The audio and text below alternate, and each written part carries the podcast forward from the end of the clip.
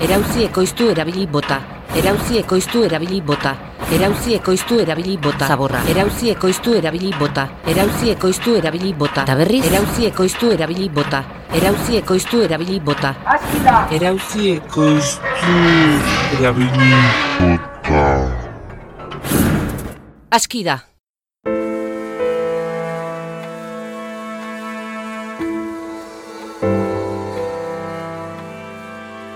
Zirkuluaren bilagoaz, ekonomiaren ertzak borobilduz, natura inspirazio iturri dugula.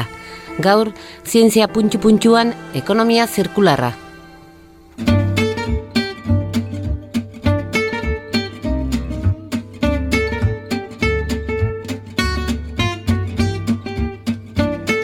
Zientzia puntu puntuan. Nafarroako Unibertsitate Publikoaren divulgazio zientifikoko podcasta. Emaio zuiaten adimenari. Gero eta natur baliabide gutxiago ditu planetak. Ados? Agortzen ari dira. Lurrosoa zabortegi bihurtzen ari gara. Zaborra metak non nahi? Nola nahi? Konsumoan oinarrituta dago gure gizartea. Erosi eta bota. Berriz erosi. Bota lasai.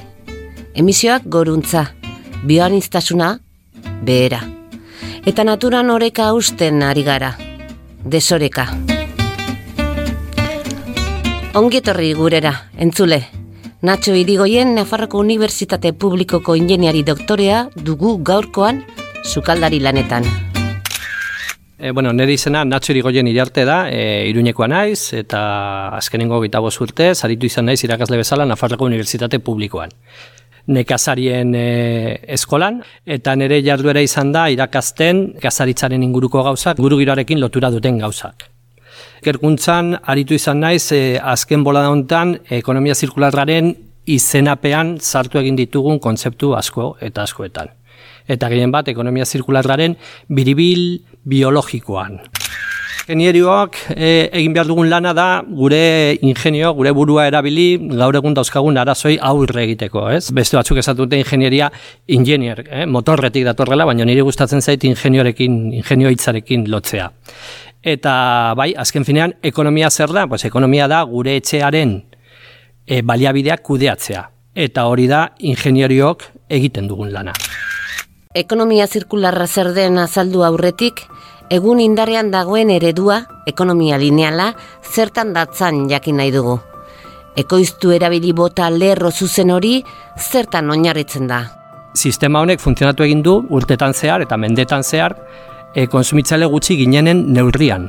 Baino, gertatzen ari dena da, e, populazioa goratzen ari dela modu e, esponentzial batean. Ni akordatzen ez, adibidez, ikasten nuenean, lau mila milioi biztalde ginela, eta hemen digutxira ja bikoiztuko dugu e, kopuru hori. Eta ez bakarrik hori, baizik eta lehen garai batean jendea oso gutxirekin bizi zen, baino gaur egun e, populazio 8 mila milioi horiek erdia gutxi gora bera, konsumo soro honen gurpilan sartu egin dira. Eta ari dira erausten, eraldatzen, konsumitzen eta botatzen. Honek ezin du, ezin du aurrera jarraitu. Ezin du aurrera jarraitu gure baliabideak mugatuta direlako. Egia, petroleoarena adibide garbia dugu, baina badira beste batzuk. Eskutan duzu mugikor hori adibidez. Adibidez, pues, eh, gure telefono mugikor batean edo gure ordenagailu batean badira material pila bat, mineral arraroak edo gai arraroak izan ditugunak, eta horiek oso leku zehatzetan eta kantitate urritan sortzen dira. Orduan gertatzen da, presio ikeragarria handia dagoela baliabide hoien gainean, eta sortzen ditu arazo handiak. Sortzen ditu ingurugiro arazoak, sortzen ditu ekonomia arazoak, eta gero eta material horiek garestiagoak dira, kalitate eskasagoa daukate, eta gizarte arazoak sortzen dituzte. Eta entrepresak e, haien artean eta podereak lehiatzen du, hoien kontrola izateko. Eta handik datoz, pues, gaur egun ez ditugun, gerlak eta horrekin lotuta dauden migrazioi e, zera efektuak. Eredu linealak marra zuzen horren bi muturretan arazoak sortzen ditu. Geroz eta natur baliabide gutxiago geratzen da batetik. Bestetik, Beste muturrean, alperrik aldutako material nahazpilak, zaborrak, sekulako arazoak sortzen dituzte gainera. Ondorioak berriz, gurean ditugu. klima larrialdia gutxi ez balitz, 2008 garren urteak osasun larrialdia utzi digu. Koronavirusak zartako ederra eman digu. Baliabidek mugatuak dituen lur planeta honek ja seinaleak bidaltzen dizkigu. Seinale argiak, e, aldaketa klimatikoaren da horietako bat, argita garbi, planetak dituen baliabideak berriztatzeko almena gainditu egin dugu, eta e, horrela ezin dugu jarraitu. Baina badira beste seinale batzuk, biodibertsitate galera ikaragarria, eta baita ere adibidez pues, pandemiarena, ez? Gaur egun danok pairatzen ari garen pandemia honekin zeharo lotuta dago. Gure jarduerarekin, gure konsumo zoro honekin planetaren oreka hautsi egin dugu. Baina askotan, biologikoan, ekonomikoan, klimatikoan, fisikoan, eta horrek bere ondoriak ditu, eta ondori horiek gure gainera bultatzen ari dira. Jakin min handia duten entzat, adimen erneko jendearentzat, zientzia puntu puntuan. Maite dugu maite hor barrena galdetzea ere. Ba aldakizu zer den ekonomia zirkularra? Oraintxe daukagun sisteman, Indian ume batek egin duen kamiseta bat erosten duzu hemen, baina erosten duzun dirua ez doa ume horrentzako Indian doa estatu batuar batentzak. Eta ekonomia zirkularra azkenean da zure ondoan bizi den gizon baten txaketa erotzen duzunean eta txaketa hori egin du bere herriko ardiek egin eman dioten artillarekin eta zuk ematen diozun diru hori berak bera erabiltzen du ondoan ere bizi den okinari opil bat erosteko. Nik ikusten dut ekosistema txikiak bezala eta beraien artean ondo funtzionatzen dute. Ditugun errekurtsuak behin erabilita berre erabiltzeko modua bilatzea da eta behin da berriz e, errekurtso berdinak erabiltzea edo orduan uste dut zinbestekoa dela ekonomia zirkularra gaur egun eta nahi edo ez llegatuko dela ze kurtsuak ez dira buka ezinak. Eta ekonomia zirkularrak baba besten duena edo defendatzen duena uste dut badela errekurtso naturalak ezagortzeko behin eta berriz berdina erabiltzea. Hau da, orain dugun ekonomian e, erabiltzen dugu zerbait eta ja ez zaigunean gehiago balio, ba botatzen dugu eta ekonomia zirkularrak modelo honek defendatzen duena bada ez errez botatzea baizik eta behin eta berriro dena birziklatzea. Modu honetan ba, ez ditugu errekurtso naturalak edo ditugunak agortzen eta bada ba, e, produzitzeko modu ba, jasangarriago bat. Zientzia puntu puntuan, nupen podcasta. Beste eredu ekonomiko baten aldeko apostua egiteko agindua eman digu Europako Komisioak. Ekonomia zirkularra akulua da eraldaketa hori bultzatzeko. Zein dira bere osagaiak? Lehenengoa, konsumo sistema aldatu. Konsumo sistema edo forma aldatu behar dugu. Aldatu behar dugu nola konsumitzen dugu. Eta planteatzen dena da, pasatzea e, produktua konsumitzeaz, zerbitzua konsumitzera. Zerbitizazioa deitzen dutena. Balduzu taladronik etxean. Bere ala ulertuko duzu zertaz ari den irigoien jauna. Os gehieno daukagu taladro bat. Zenbat erabiltzen dugu taladro hori? Zenbat e, mineral eta zenbat energia konsumitu eginda taladro horiek ekoizteko? Behar dugu taladro bat izan etxean? Erabiltzeko bakarrik ordu erdi bat urtean? Ez altzen hobe izango izatea taladro profesional on bat gutxi konsumitzen duena, ongi diseinatuta dagoena eta bere lana ongi egiten duena baino erabilera mankomunerako, hau gure baserritan beti egiten zen. Bai? Eta kultura hori galdu egin dugu. Eta pasatu gara, gauzak amankomunean egitetik, eta gauzak e, zera elkarlan egitetik, pasatu gara, e, gauzak konsumitzera. Zergatik, dena diseinatuta dagoelako, gure gizarteak funtzionatzeko, konsumoan oinarrituta. Gauzen konsumoan.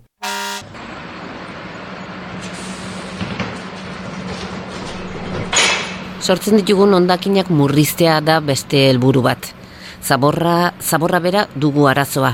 Eta hortan martxan jarri dira Europako erakundeak, batez ere zabor gutxiago sortzeko eta ondakinak birtziklatzeko neurriak dira indarrean.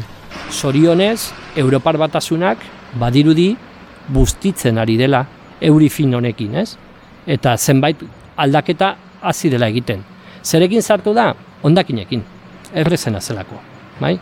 Baina ondakinen zera e, materialen ekonomia zirkularren materialen ilterak hasi da mozten hortarako ondakinen zuzen araguak eta hori guztia e, zelburuarekin ondakinek sortzen dituzten e, kutsadura ekiditzeko, bueno, neurri batean bai, baina gehien bat ze, ze, zelburuarekin.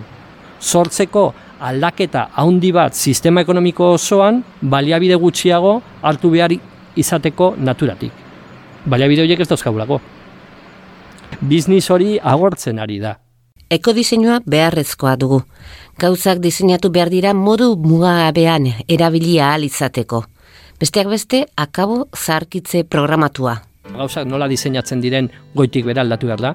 Diseinatu behar dira gauzak modu mugagabean erabilia izateko, konpongarriak e, izateko, e, elkartrukagarriak izateko, berriztatu izateko irizpide kontutan hartu behar dira.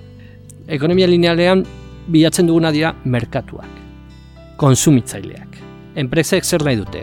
Ego Amerikan daude lareun, mila, milio, lareun milioi konsumitzaile. Hori da ikusten dena.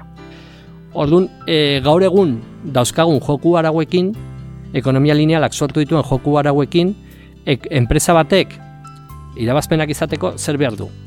Konsumitzaileak, kontsumitu. Baliabideak zuntzitu eta ondakinak sortu. Hori da aldatu behar dena. Hori egiteko zer asmatu zuten, obsolescentzia programada, baino lehenagotik moda asmatu zuten tekstileko entrepresek.